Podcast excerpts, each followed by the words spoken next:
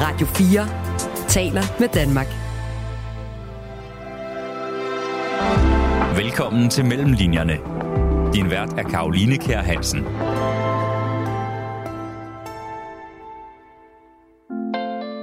Når man skriver for hånd, så er man helt befridd fra det her tunnelsyn som, som skjermen påtvinger en.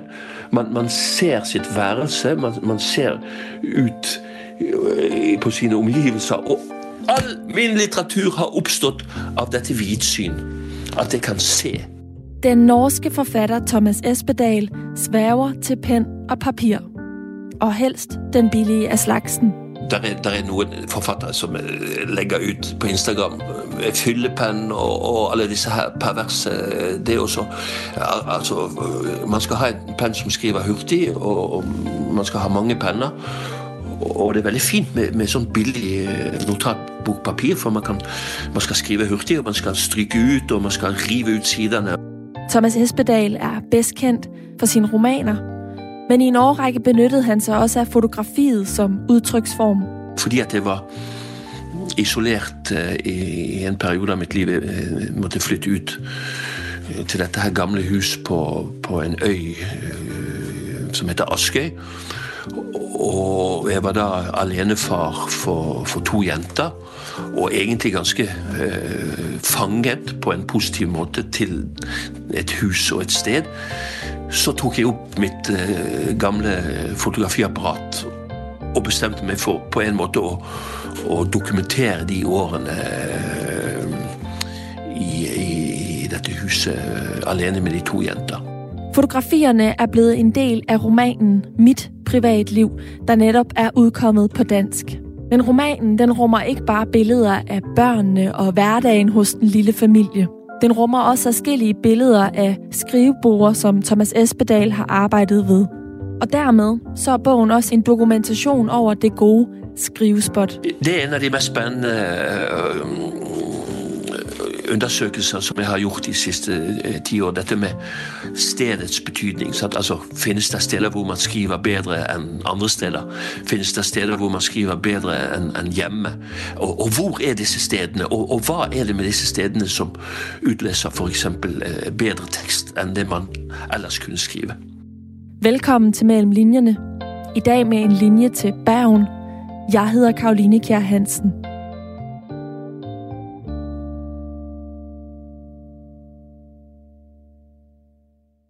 Thomas Espedal, hvis du skulle ta et fotografi av det sted hvor du sitter lige nå, hvordan ville det så se ut? Ja, det ville se rett kaotisk ut, fordi at jeg bor nå i mitt barndomshjem. Og her finnes eh, mine besteforeldres møbler, mine foreldres eh, lamper, eh, mitt nye barns leker, mine egne bøker kaotisk spredd rundt, min kjærestes tøy og, og bøker og, og planter og et fryktelig, fryktelig, fryktelig rot og, og, og kaotisk, og, og det kan jeg godt like. Ja, det lyder litt som en stil, der går igjen på noen av fotografierne i din nye bok Mitt privatliv. Der er i hvert fall flere øh, skrivebord og andre typer bord, øh, spisebord, som er nærmest helt dækket av kaffekopper og bøger og postkort og skrivemaskiner. Så det lyder som en stil, der kunne være på et gængs fotografi av deg, Thomas Espedal. Det, det, er riktig nok. Jeg har jo innredet alle mine værelser, alle rom og hjem, innredet de etter å skrive. Altså etter mitt yrke. Jeg er jo en hjemmeværende mann. Det er jo det store privilegiet med å være forfatter. At, at, også at man kan skape et hjem som er relatert til ens yrke. Så det betyr, det betyr alltid bøker, stabler med bøker og notatpapir og penner og papir. Alle, alle de ting som, som, som jeg elsker. Og jeg er sikker på, selvom at du beskriver det som kaotisk, så er det også øh, æstetisk flot, ligesom fotografierne i, øh, i Mit Privatliv. Mit Privatliv udkom på norsk i 2014, og her den 2. december, der udkom den så i en dansk oversættelse. Og der er som sagt virkelig mange smukke fotografier. På hver eneste side er der et fotografi, som er ledsaget av en jeg vil sige, relativt poetisk tekst. Også nogle gange sådan hverdagsbetragtninger. Øh, og de her tekster er nok det, som de fleste egentlig kender dig som, altså forfatter. Du er en af Norges største forfattere sammenlignet med Karl Ove Knavsgaard, fordi I også stilistisk bevæger jer lidt inden for den samme genre. I skriver begge to øh, autofiktivt, og det er altså også den stil, som nogle af mine lyttere formentlig vil kende dig for. Og så har du altså været nomineret til Nordisk Råds Litteraturpris tre gange gange. Første gang, der var det for bogen Gå eller kunsten at leve et vildt og poetisk liv. Og øh, Thomas Espedal, det var en af de bøger, som jeg med stor fornøjelse læste, da jeg uh, studerede litteraturhistorie på Aarhus Universitet i, øh, i sin tid. Så den har et øh, helt særligt plads i uh, mit læsehjerte. Men sideløbende med de her øh, tekster og romaner, som du har skrevet, øh, så... Uh, laver du altså også fotografier, og den del av dit virke kommer vi også til å dvæle en del ved i dag, fordi vi skal tale om dit arbejde som forfatter ut fra den her nye bok, altså Mit Privatliv, hvor at fotos det også fylder øh, en hel del. Bogen blir beskrevet som en roman. Hvordan vil du egentlig selv beskrive mit privatliv? Jeg har holdt på med et uh, sammenhengende prosjekt de siste 20 år. Det er faktisk litt tydeligere i de norske utgivelser at disse bøker er sammenhengende. Som startet med, med den bok som heter Biografi. og Så kom dagbok, og så kom brev. Så da kan man allerede se at, at, at det er på sporet av de forskjellige sjangre. Som er så putta inn i denne store romanen som teller ti bind. Eh, så har man reiseskildringen. Det er jo da å gå. Og på et tidspunkt bestemte jeg meg for at jeg skulle forsøke eh, nemlig fotoboken som sjanger. Uh, altså det, det Fotoboken har, har, fascinert meg lenge, og jeg samler også på, på fotobøker for først og fremst min kjærlighet til, til, bøker, men også for å se hva fotografiet kunne gjøre med, med, med boken. Så, så, mitt privatliv er faktisk et forsøk innen fotoboksjangeren, som jeg har så flyttet inn i mitt store romanprosjekt. Hva er en roman? Det er liksom det spørsmålet som har fulgt med de siste 20 år. Og derfor har disse her Eh, tekster fått en, en, en, etter hvert en uh, central plads i, i, boken. Ja, altså man følger deg uh, igennem de her tekster og fotografier, der følger man deg sånn mer eller mindre kronologisk fra 1999 til 2014, hvor den utkom uh, i Norge. Og dermed kan jeg egentlig godt få følelsen av denne her romansjanger. Altså den er oppbygget omkring et plott. Vi ser en utvikling i en karakters liv, som jo så er, er ditt liv. Men, men jeg syns alligevel at fotografi biografierne er nogle af dem, som gør rigtig stort indtryk på mig, nok også fordi, at det er en ny dimension, jeg som den danske læser ser af dig som forfatter. Men i virkeligheden så hører jeg dig sige, at det har været lidt sådan et forsøg på at udvide romangenren, øh, eller prøve at se, om man kunne øh, altså eksperimentere med dels romanen som genre, og så også fotobogen, og fusionere de to genrer? Det store, det, det, er jo det som er uh, spennende. altså Helt fra romanen ble etablert eh, som sjanger, så har, har, den vært uh, et spørsmålstegn. Hva er en, en, roman, og hva er romanens muligheter? Og, og, og, og, det er klart at, at på et tidspunkt så, som, som, samtidsforfatter så spør man seg hva er romanens muligheter mm, i dag? Og, det har jeg aldri klart å løse, eh, og heller ikke villet løse i én roman. Så disse ti bøker er, er liksom mitt forsøk på å, å skrive roman i, i, i, vårt, eh, i, vår tid. Og, og, fotografiet kom litt bakpå på meg, fordi at det var egentlig ikke tenkt å skulle være en del av prosjektet, men, men fordi at jeg var isolert eh, i, en periode av mitt liv. Jeg måtte flytte ut til dette her gamle hus på, på en øy som heter Askøy. Og jeg var da alenefar for, for to jenter. Og egentlig ganske eh, fanget på en positiv måte til et hus og et sted. Så tok jeg opp mitt eh, gamle fotografiapparat og bestemte meg for på en måte å, å dokumentere de årene eh, i, i, i, dette huset eh, alene med de to jenter. Men så dukket jeg da også opp eh, bilder som jeg hadde tatt på noen av mine reiser. Og så kunne jeg også se at etter hvert at det ble et, eh, en dokumentasjon over skrivesteder. De steder som jeg har skrevet eh, i de siste ti år. Det er en av de mest spennende undersøkelser som jeg har gjort de siste ti år. Dette med stedets betydning. Sant? Altså, Finnes det steder hvor man skriver bedre enn andre steder? Finnes det steder hvor man skriver bedre enn en hjemme?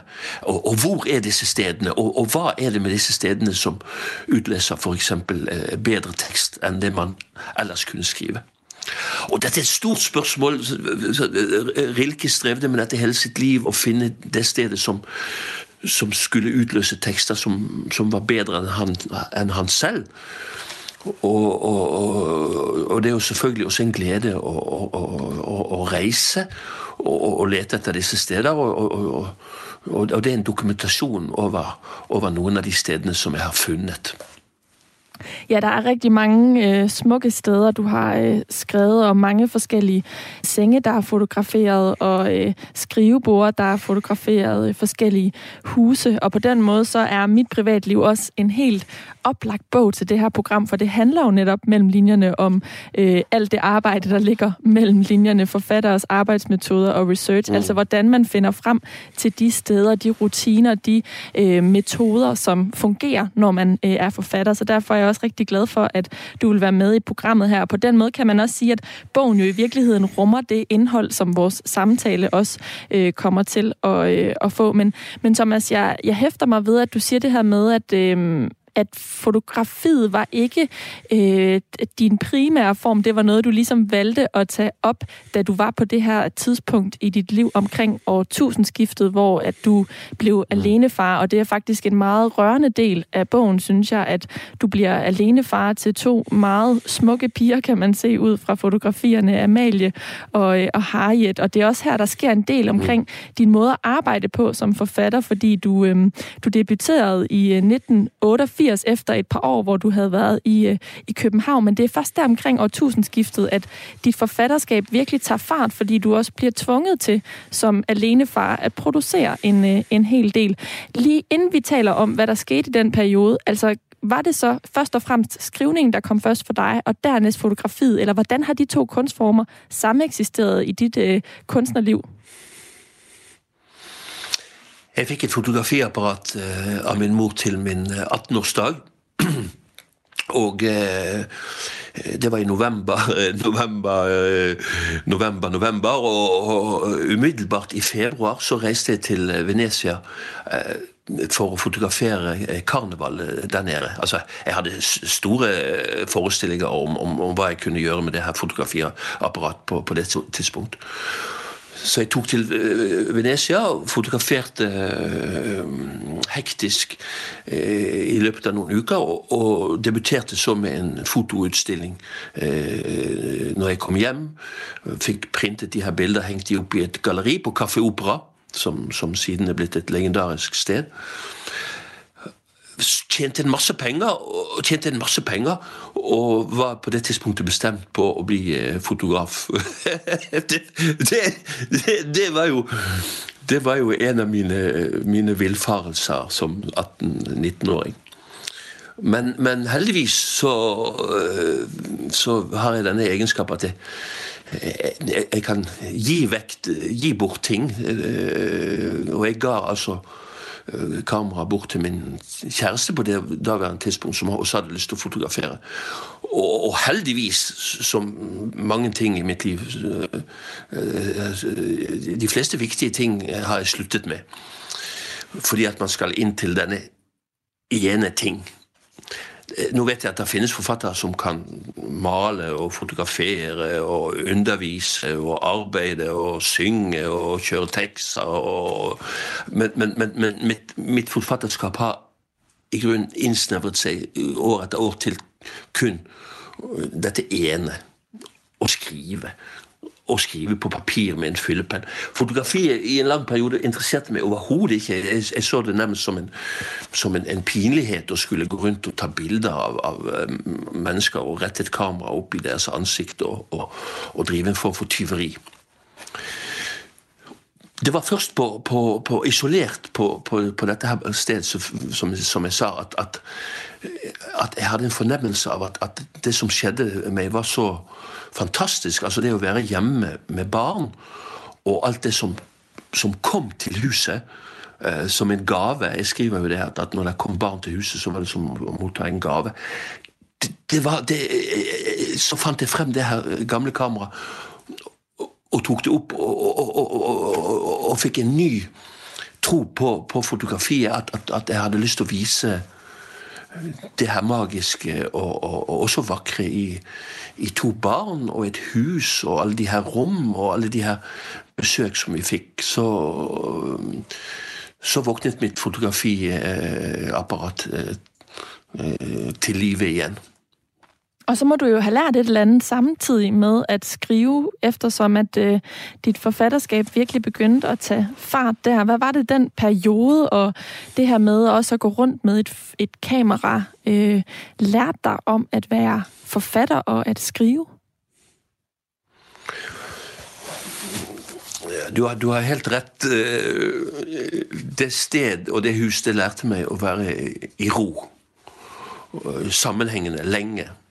Eh, kanskje for første gang eh, i det hele tatt i mitt liv, fordi at jeg har hatt så mange adresser. Og, og det å være forfatter innebærer en, en, en, en dårlig økonomi og, og, masse dårlige leiligheter og mange dårlige værelser og mange madrasser og, og mange ydmykelser og mange skuffelser og mange nederlag. Og, for første gang så skulle jeg altså bo i, i i et hus og, og være forpliktet til, til, huset og til de to jenter. Så det, det lærte meg eh, en form for konsentrasjon, og, og, det fikk store konsekvenser, som du sier, for, for min skriving. Det å, å, å, å være konsentrert over lengre tid. Du skriver blandt andet på øh, side 26 i den øh, danske udgave øh, et helt nyt arbejde. At lave morgenmad, smøre madpakke, skrive, vaske tøj og rydde op i huset. Købe ind, lave frokost, få besøg, lege med børn, lave aftensmad og læse højt fra børnebøger. Bede aftenbøn, vække pigerne om morgenen, følge dem til skolebussen og børnehaven, skrive og gøre det samme hver dag, altid på en ny måde. En ny dag med skrivning og børn. Jeg har aldrig haft et bedre arbejde. Og Thomas Espedal, det synes jeg var vildt interessant for mig at læse som, øh, som kvinde, fordi først og fremmest er der jo mange øh, kvinder, der føler, at de øh, påtager sig den øh, rolle i hjemmet, men også at den er stressende, frustrerende, i hvert fald en kilde til frustration og til et pres i en, en børnefamilie, og især hvis man er alene øh, forældre. Men jeg hører jo dig sige og skrive nærmest det modsatte, at det var en, en kilde til til ro og konsentrasjon, som du selv sagde? Og det forundret jo også meg, meg eh, det, det, er jo en av de største gaver jeg har mottatt i mitt liv. At, at jeg fikk være hjemme uh, alene med de to jentene som, som på en måte beskyttet uh, mitt arbeid også det man, det man, ikke vet som mann og som, som far. Uh, jeg var også en fraværende far før moren døde. altså at, at jeg ble tvunget til å, å, å ta det ansvaret. Det var, det var, ikke noe som jeg frivillig gjorde. Hvis, hvis, jeg hadde kunnet velge, så hadde jeg fortsatt å reise og drikke min alkohol og røyke mine sigaretter og, og treffe mine venner og venninner og, og, leve mitt liv, men, men jeg hadde ikke noe valg. Og de beste tingene veldig ofte i livet, det er de tingene man selv ikke velger. Eh, men som man rett og slett av ansvar blir forpliktet. Jeg vil ikke si tvunget. Jeg vil ikke påstå at det er godt å være i et fengsel, men, men, men noen ganger blir tvunget til en forpliktelse som skaper et alvor, og også en, helt spesiell form for, for skjønnhet og, og, tilstedeværelse. Så dette var jeg ikke klar over. Det var noe som ble, som ble åpenbart for meg ved å bo sammen med to jenter. Ja, de beskyttet mitt arbeid på den måten at, at de kunne se mitt arbeid. Altså, De forsto at de her penger som vi var avhengige av, og den her mat som skulle på bordet, var, var et produkt av, av, av, det at jeg satt og, og, skrev. Så jeg fikk en erfaring som veldig få foreldre får, nemlig at, at eh, de to jenter kunne se mitt arbeid og forstå betydningen av, eh, av mitt arbeid, selv om de, var, om de var små. Og på den måten aldri ble noen forstyrrelse. De, de tok sine venninner med hjem, og de sa aldri 'Pappa, kan du, kan du gjøre ditt? Kan du, kan du, gjøre datt?' Kan du De, de, de forsto at, at uh, det var noen timer der hvor de skulle ordne sitt, sitt liv selv. Og det var, det var man, man, tror at barn er en forstyrrelse, og, og, og, og, det er jo fordi at de kommer utslitt hjem fra en børnehage eller, eller fra, fra, skolen og, ikke vet i dybden hva foreldrene egentlig bedriver. Når disse to jenter øh, ble innlemmet i mitt arbeid, så var det en fantastisk øh, beskyttelse. De, de tok sine venninner hjem, øh, tok de med opp på sitt værelse og, og, og lekte sine leker og ordnet sin, sin, sin, mat så godt de kunne. og, og hadde en, en forståelse for, for, for oss som, som familie som var virkelig, virkelig rørende. Ja, og Thomas Espedal, det er jo faktisk også her, hvor du kan adskille dig fra nogen andre forfattere i forhold til dit blik på det med at være forfatter, at det altså er øh, et arbejde, jeg øh, kunne læse i et interview, du har givet til Politikken i 2010, at du udtalte sådan her, i hele min forfattervirksomhed har det været vigtigt for mig at demonstrere, hvor meget arbejde det egentlig kræver at være forfatter. At det virkelig er et arbejde. Jeg skriver om at skrive. Her er mine arbejdstimer. Her er min produktion her er min maskine. Og det var altså noget, du sagde i, øh, i 2010. Men sideløbende har jeg jo også kunne læse, Thomas, at du kommer ud fra en arbejderfamilie. Hvorfor tror du, at du havde brug for, øhm, ja, nærmest, du, du nærmest blev nødtvunget til at betragte forfattergærningen som et arbejde, og det først var der, der ligesom øh, kom den her øh, meget effektive og produktive øh, tilgang til stoffet? Det er riktig nok jeg, jeg har et uh, ambivalent forhold til, til, til, dette med øh, arbeiderklassen som jeg kommer fra. Og, og, fordi at arbeidet på en måte er innskrevet som en, en plikt i, i, min kropp. Som jeg har kjent helt siden jeg var, var ung en av måtene på en måte å, å, å løsrive seg fra det, det er jo gjennom myter og mytologi, troen på hele det romantiske bolverket, frihet, reiser, opprør. Så det, det, var viktig i en periode av mitt liv, rett og slett for å kunne frigjøre meg og kunne, kunne bli forfatter. Når man så er blitt forfatter, og, og så, så vender, man, vender jeg tilbake igjen til arbeidet, nødvendigheten av å å arbeide, og, og har etter hvert også blitt stolt over min familiebakgrunn, og at jeg har klart å, å, å gjøre skrivingen ikke til noe sånn mytologisk eller uh, noe som kommer av inspirasjon, men noe som kommer av, av, av, av uh, arbeidet. Mm. Så har jeg klart å flytte dette, dette arbeidet rundt til forskjellige steder og til forskjellige eh, situasjoner. og Jeg har, jeg har liksom gjennomlevd Jeg har gjennomlevd eh, åtte-ni liv, og man skal kunne arbeide når man er gift, man skal kunne arbeide når man er skilt, man skal kunne arbeide når man har små barn, man skal kunne arbeide når man har foreldre som dør, man skal kunne arbeide når man må flytte, og man skal kunne arbeide når man reiser. Og, og, og, og det har liksom vært min stolthet, at jeg kan arbeide når som helst, hvor som helst, alle steder. Men hvordan gør man det som forfatter, Thomas? Altså, Hva er det for noen rutiner, du har fått skabt, eller hvordan har du knekket den kode til å kunne arbeide som forfatter hele tiden, uansett øh, tid og sted nærmest? Ved å forandre mine øh, rutiner. Det, det, har, det har aldri vært likt. Øh, de har aldri eksempel, nå lever jeg mitt niende liv. Det, det ligner overhodet ikke på noen av, av, av, mine tidligere liv. Et helt nytt sted. Jeg har et, et lite barn på, på, to år. Jeg arbeider om natten. Når jeg bodde på Askøy, i det hus med de to jenter, så arbeidet jeg når de var i børnehagen og på skolen, altså om dagen. De ganger hvor livet mitt har gått Adundas, og så har jeg arbeidet i andres leiligheter på andre steder, hotell i, andre land. Så, så, så, så det, det, det, det, krever kun eh, papir og, og en penn. Eh, jeg har den egenskap at, at selve det å skrive eh, for hånd alltid er, er, er, fylt med en form for, for uh, nysgjerrighet og glede. At, at, at jeg, det er en form for forskning som, som, Jeg trenger bare det her papir og denne penn og, og, og, kanskje et bord eller en seng, så, så oppstår det noe som, som vi ikke ellers har tilgang til, nemlig skrift og, og språk. Og det har aldri, aldri sluttet å forundre meg øh, hva som, øh, som, så oppstår. Og det er kjernen i at jeg hele tiden har kunnet arbeide. Men hvordan kan det være at du ikke arbeider på en computer?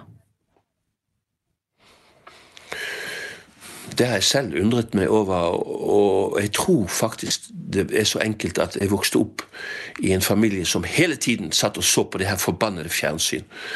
Og at jeg, for, forsto hva en skjerm var allerede øh, når den kom. Jeg har, vært, jeg har sett overgangen fra ikke-skjerm til skjerm, og, og hvordan denne skjermen oppslukte eh, fritiden til, til, mine foreldre. Altså fjernsynet. Så jeg, jeg, klarte å frigjøre meg fra, fra fjernsynet øh, fordi at jeg forsto så fort, så hurtig, øh, dens konsekvenser, dets konsekvenser. At man, at man blir fanget til en virkelighet. Og så gjentar det samme seg med, med denne dataskjermen. Og, og, og, når jeg nå sykler inn til byen og, og ser inn vinduer, og, det lyser blått både på kontorer og, og, og, hjem at, at, hvor mye tid mennesker sitter foran denne forbannede skjerm. Det er så trist, så nedrektig, så, så, så sørgelig. Og det var også med å,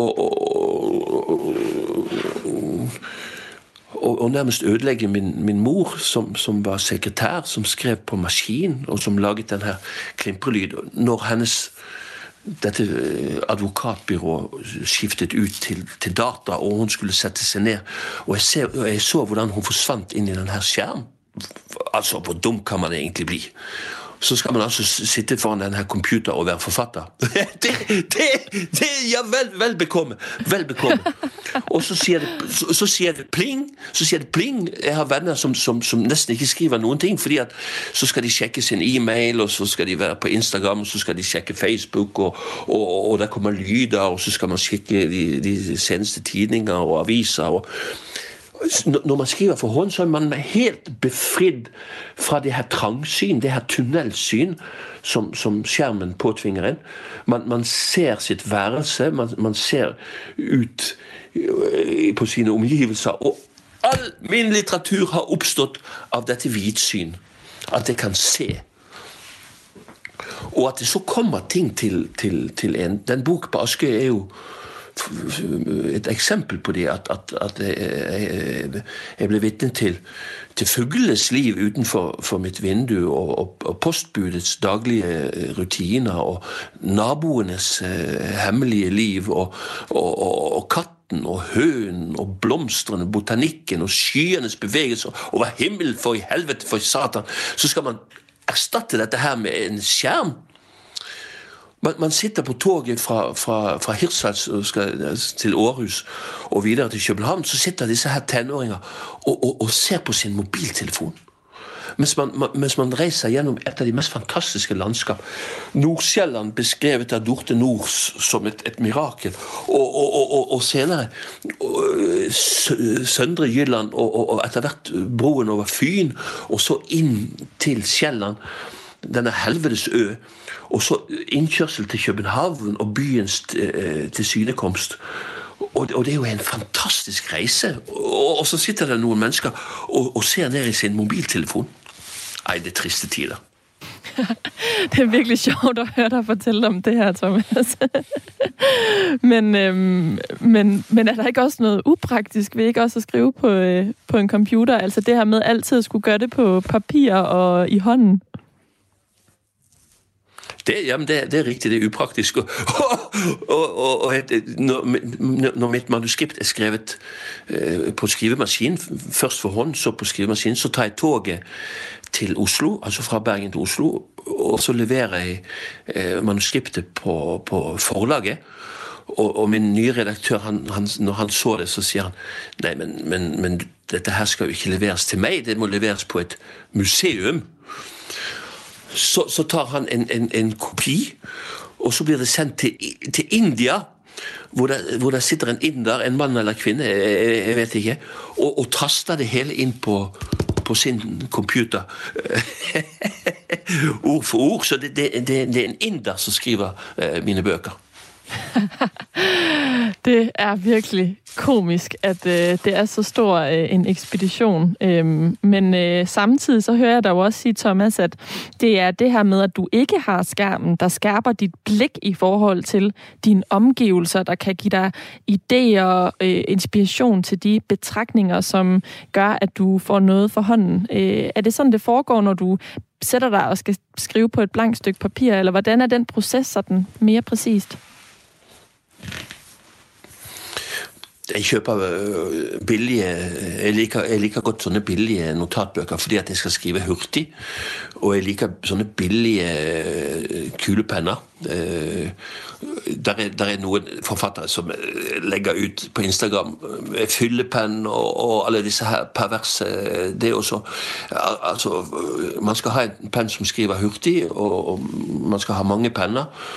Og det er veldig fint med, med sånn billig eh, notatbokpapir, for man, kan, man, skal skrive hurtig, og man skal stryke ut, og man skal rive ut sidene. Og, og, og bare synet av en, en sånn notatblokk eh, vekker et begjær, en lyst. Og det er jo det eh, å, å, å sitte der med denne pennen og så, så, ikke vite noen ting.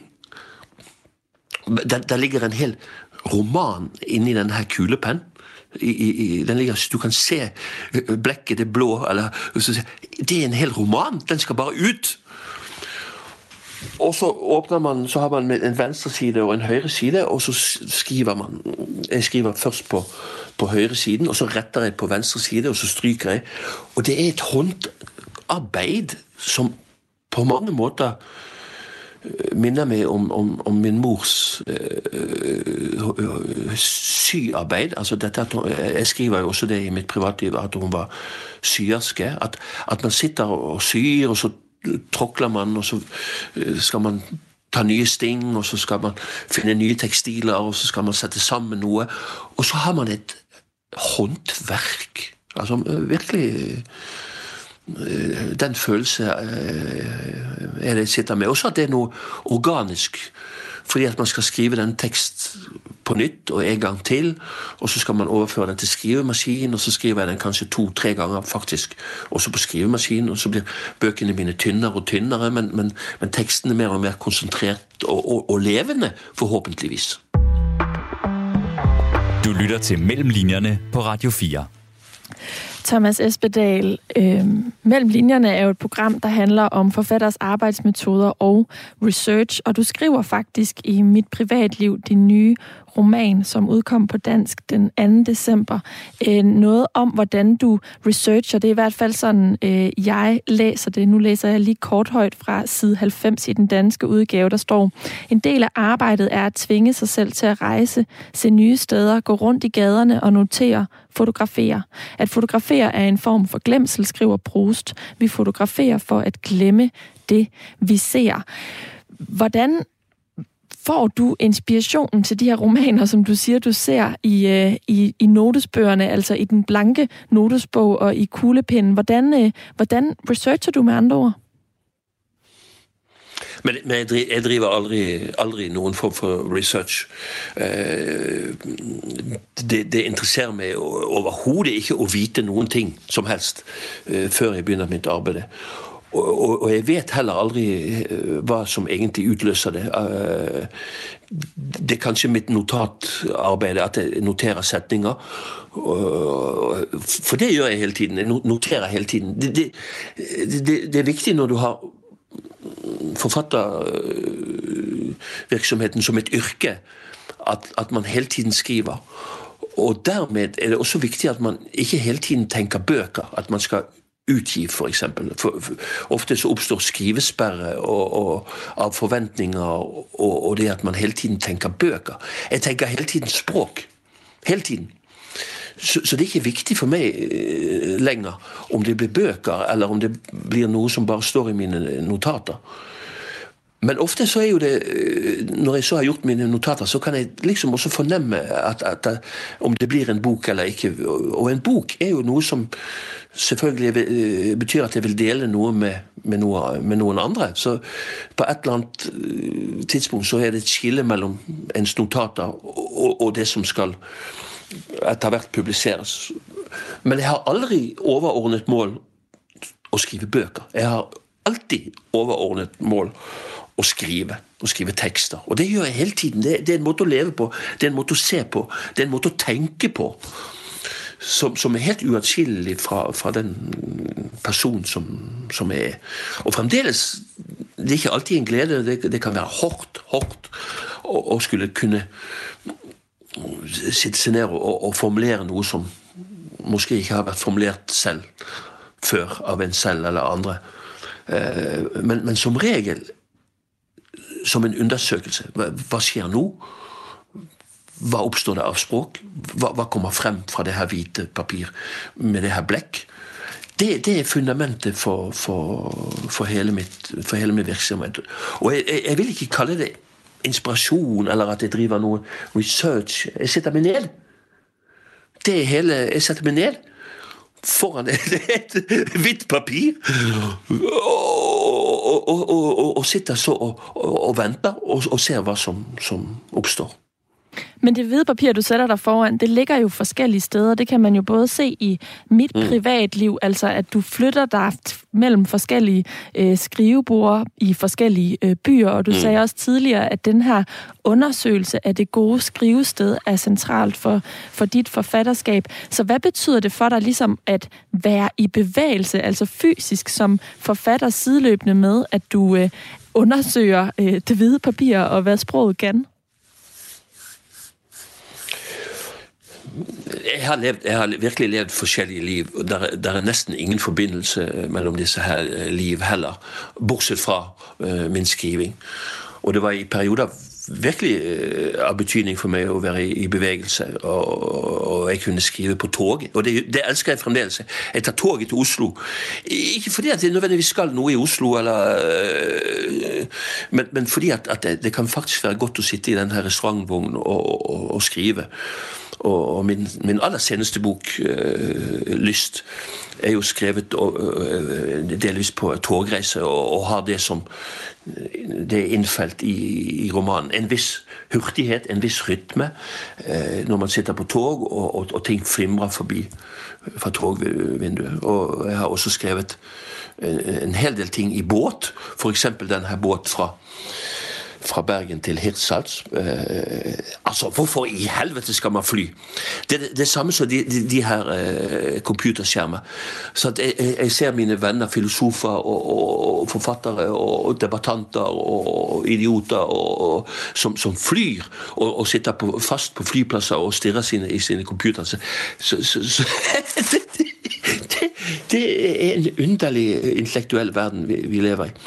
Men hvis man så leier en lugar på, på en båt og, og, og går inn i, her i Bergen, i havnen, og, og, så, så, sitter man i, i, i denne bevegelsen over sjøen, i disse her bølger, og, skriver. Så skjer jo det faktisk eh, noen ting.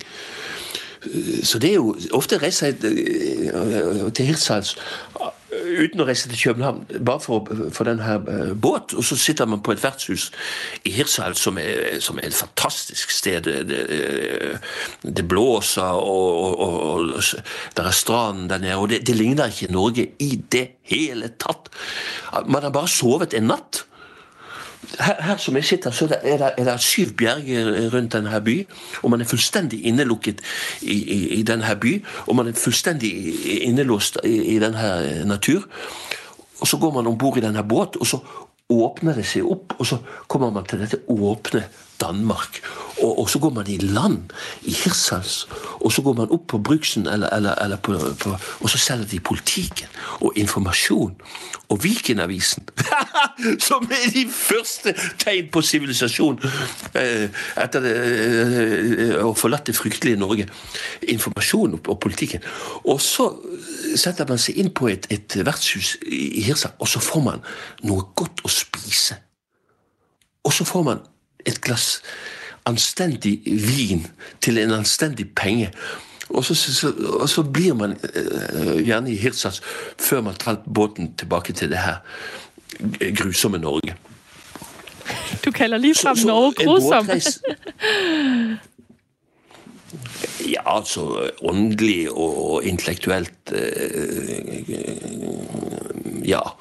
Men, men uh, det skal jeg si, at, at når det nå snør og, og snøen ligger i, i, og jeg kan spenne på mine ski rett utenfor min dør og gå rett til fjells, så er det klart så blir jeg glad. Altså, så blir jeg glad. Og, og, og, så kan jeg gå herfra to timer inn over fjellet, og så ser jeg Bergen by der nede. De, de, de, de, her lys der nede. Og, så kan jeg faktisk gå, hvis jeg vil, i seks timer til over det som man kaller vidden. Og så er man i den norske natur. Og, og, så blir jeg glad. Så blir jeg glad. Så blir jeg glad. Det, det som interesserer meg eh, i de senere år nå, det er jo selvfølgelig eh, den norske natur. Og natur generelt. Ikke det liv nede i den byen. Det, det, det er forbi. Øh, Thomas Espedal, det er jo vildt interessant at høre dig fortælle, fordi der er jo danskere, der flytter til Norge blot for at få den storartede øh, natur nærmest lige uden for døren, som du også øh, mm. beskriver den. Og selvfølgelig så er der selvfølgelig højere alkoholpriser eksempelvis, der, der spænder ben for, for, for det gode liv, vil nogen nok mene, i Norge. Men øh, men du beskriver det her med, hvordan at man ikke skal kigge på sin computerskærm, hvor end man øh, tager hen, hvad end, man øh, sejler eller øh, tager tog, øh, og, og helst ikke skal, skal flyve. Men hvad er forskellen egentlig, hvis jeg nu lige skulle gå lidt på klingen, hvis man sidder med, øh, altså sidder helt opslugt med at notere i sin notesbog, øh, og hvis man sidder og kigger opslugt øh, ind på sit Word-dokument. Altså, hvad, hvor består forskellen? Kan man ikke også blive fraværende, når man er opslugt af sin notesbog og den øh, roman, der øh, den, den, den potentielt kan rumme? Jo da, det, det er sant. Og jeg måtte gå til min universitetslærer, professor i litteraturvitenskap, øh, Erling Odland som har vært spesielt opptatt av teknologi og teknologiens eh, betydning for, for, tenkning, og spørre han hva tror du skjer når en forfatter skriver på computer. Og så sier han se på Jon Fosse, han, han skriver så hurtig på sin eh, computer, og han skriver godt. Så, så, det, så det kan Jeg vil aldri anbefale en forfatter som nå f.eks. skulle være i 20-ene å skrive på skrivemaskin og for hånd. De måtte få Satan sitte med sin eh, computer. Og, og, så får man se bøkene blir tykkere og tykkere, og de er kun skrevet én gang. Det kan man se, det kan en som leser ofte se. Denne boka her er kun skrevet én gang. Og når man arbeider på en computer, så er det akkurat som kirurgi. Man, man, redaktøren sier 'ta ut den uh, tekstbrodd', den, den, er for dårlig. Som om man skulle komme til sin lege og han uh, skjærer sitt skalpell og, og ta ut uh, kirurgisk enkelte deler av en organisk kropp. Og erstatter erstatte det kanskje med noe, med noe kunstig. Hva vet jeg. Men, men, eh, men, sånn skriver man i dag. Bøkene blir tykkere og tykkere, og de er kun skrevet én gang. Og så får jo man ettertiden eh, prøve å se denne denne computerlitteratur. Som sagt, Jon Fosse skriver gode bøker, Karl Ove Knausgård skriver gode bøker i Norge. Hanne Ørstavik. Alle skriver vel, alle skriver vel på, på, godt på sine computere på, på forskjellige måter. Det, for øvrig så vil jeg si at, at uh, det er riktig, som du sier, det er flere dansker uh, som flytter til Bergen. jeg, møtte senest i forrige uke uh, flere av de og, og, som har meldt seg opp til Skrivekunstakademiet. Det er et riktig godt skrivekunstakademi her, og, og, det skyldes vel i hovedsak Knausgård, at man, man, vil se hva som skjer hvis man, man bor i Bergen. Og det kan jeg anbefale. Og det gjorde jeg også til de her studenter. For de har virkelig gått Han ene har bodd i Århus i, i, i mange år, og, og, den andre i København. De har virkelig godt å komme seg ut av, av, av København og av Århus. Mm. De ganger jeg har vært gjestelærer i, i, København, på Forfatterskolen, så skriver veldig, veldig mange om eh, storbyliv og, og, og kjærester og ekskjærester og eks-eks-ekskjærester, om begjær og om seksualitet og om stoff og alkohol og om sine mødre, og om sine fedre, og om sine helvetes dårlige familier. Om, altså det samme om og om igjen. Men, men man ser at eh, noen som skjer i norsk litteratur, er at man også forholder seg til til, til natur. Hva, hva, hva, er et tre? Hva, hva er en skog? Hva, er fjell og, og, bekker som renner, og hav og, og sol og, og, skyer? Altså, og det lærer man eh, i Norge. Mm. Ja, og Spørsmålet er jo så om, om du vil anbefale at eh, det skulle uh, ledsages av et fotografi. Du skriver i hvert fall et sted i mitt privatliv en setning har ingen forside. Et fotografi savner en bagside.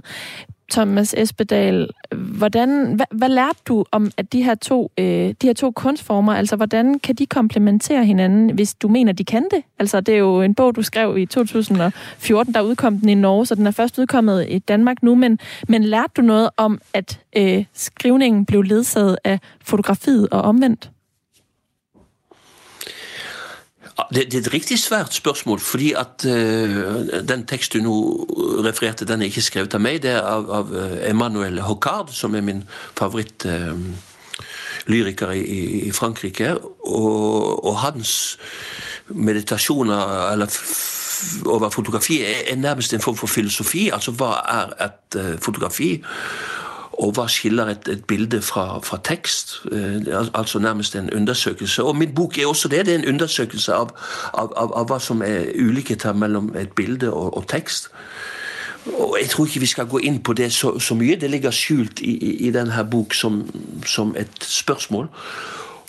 Og jeg var kun nysgjerrig på hva skjer når jeg nå ser gjennom mitt fotografiapparat, og, og min ambivalens ligger jo kanskje eh, på samme måte som computerskjermen i det at man får et innsnevret eh, blikk. Men eh, i en periode så trengte jeg det. Det, det å ta opp fotografiapparatet det gjorde at jeg, jeg lærte en, eh, på nytt en måte å se på. Altså, nå, nå, må jeg virkelig se på det her furutreet. Og, og, det er helt umulig å fotografere et furutre. Helt umulig, faktisk. Eh, man kan ikke fange et tre ved, ved, ved fotografiet. Man kan heller ikke fange et menneske eh, Heller ikke et hus.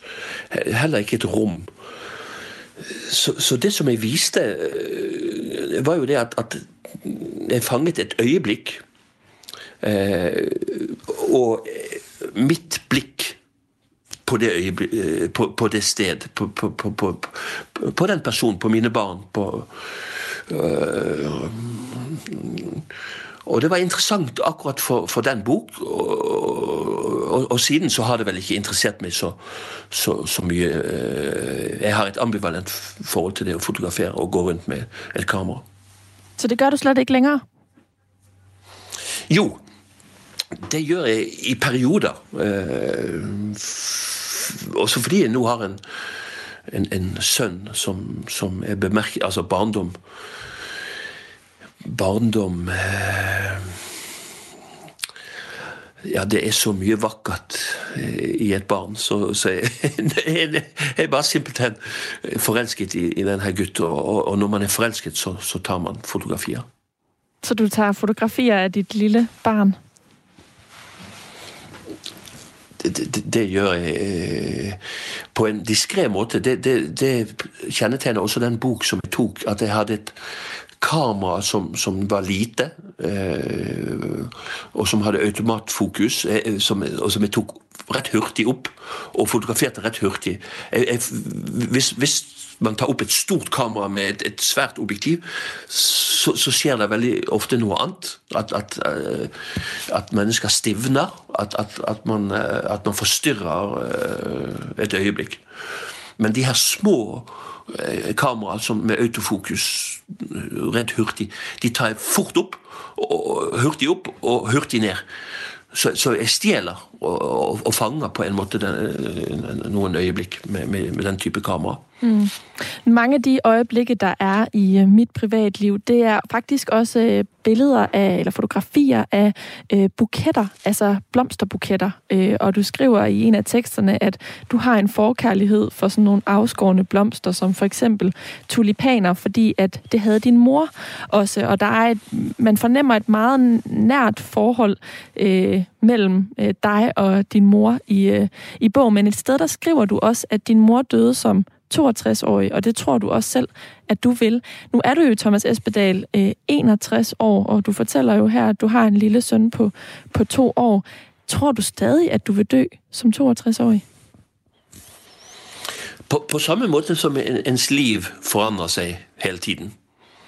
Ikke bare fremover, øh, men også bakover. Øh, de nye erfaringer man får preger også ens egen fortid eh, på, eh, på en ny måte. Man, man, får stadig en ny fortid. På samme måte som livet forandrer seg, så, så gjør døden det også. Mine, mine forestillinger om, om døden har, har, har, forandret seg opp gjennom, gjennom tidene. Og, og, og, i den periode hvor denne bok ble skrevet, så hadde jeg faktisk en, en, en forestilling om at, at, jeg ikke kom til å bli eh, eldre enn min, min mor.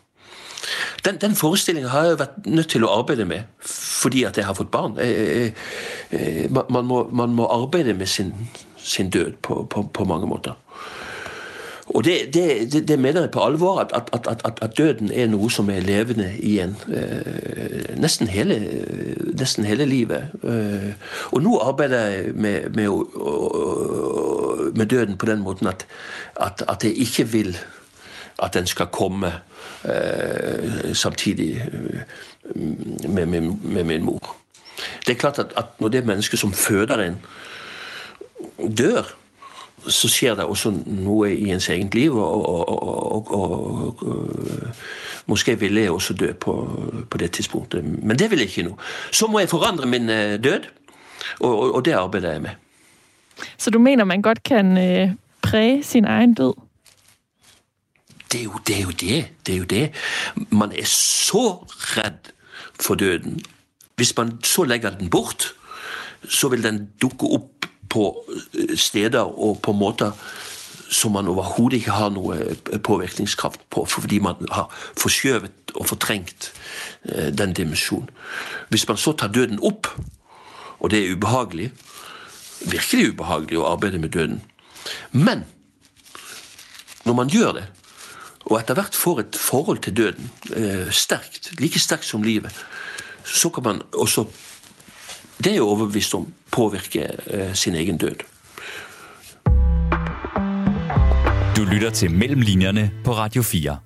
Thomas Espedal, vi nærmer os øh, afslutningen på øh, samtalen her, men apropos død, så udkommer din næste roman, Lyst på dansk, til næste år. Øh, lyst er jo øh, i hvert fald i mit hoved et ord, der konnoterer det helt modsatte af, øh, af død, altså lyst til livet, øh, lyst til, øh, det kan jo være alle mulige slags ting, men kan du løfte sløret for dine danske læsere om, hvad det er, øh, lyst rummer, hvad for en lyst øh, det er, den er rettet, hvem, hvem er den lyst rettet rettet mod i din nye roman, hvis det er altså en lyst øh, i bogstavelig forstand? Så vil jeg bare øh, si en ting før, øh før jeg sier noe om den boken i det hele tatt. Fordi at man kan også ha lyst til å dø. Uh, Ja, så har jeg skrevet en, en, en bok en, i to bind. Den, den er kommet på norsk i en boks som heter Lyst. Eh, noen har også lest det som lyst, altså det at, at det er lyst i et værelse eller et lyst i et liv. At, det, at man blir opplyst. Eh, det er to bøker, og eh, ja, de handler om hvordan begjæret har, har vært en drivkraft hele tiden i mitt liv, og også i, i mitt skrivearbeid. Altså lysten til å, å, å, å skrive.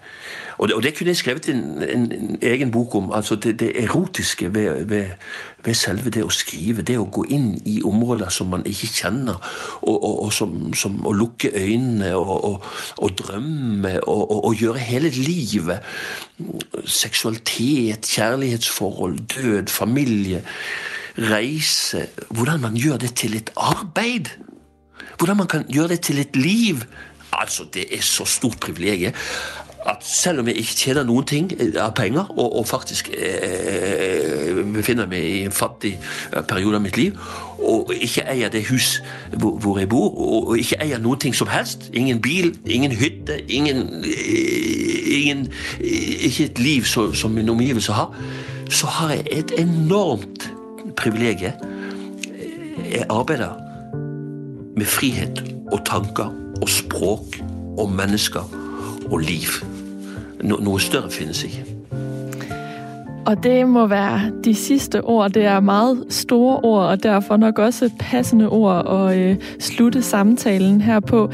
Thomas Espedal, tusind, tusind tak, fordi du ville tale med mig i, i dag og fortælle om dit arbejde mellem linjerne i din nye øh, roman Mit privatliv. Tak til dig. Også tusind tak til dig, som lyttede med. Mit privatliv er udgivet af forlaget Batser og Co. Og hvis du vil høre flere forfattersamtaler, ja, så kan du søge efter Mellem Linjerne i Radio 4's app.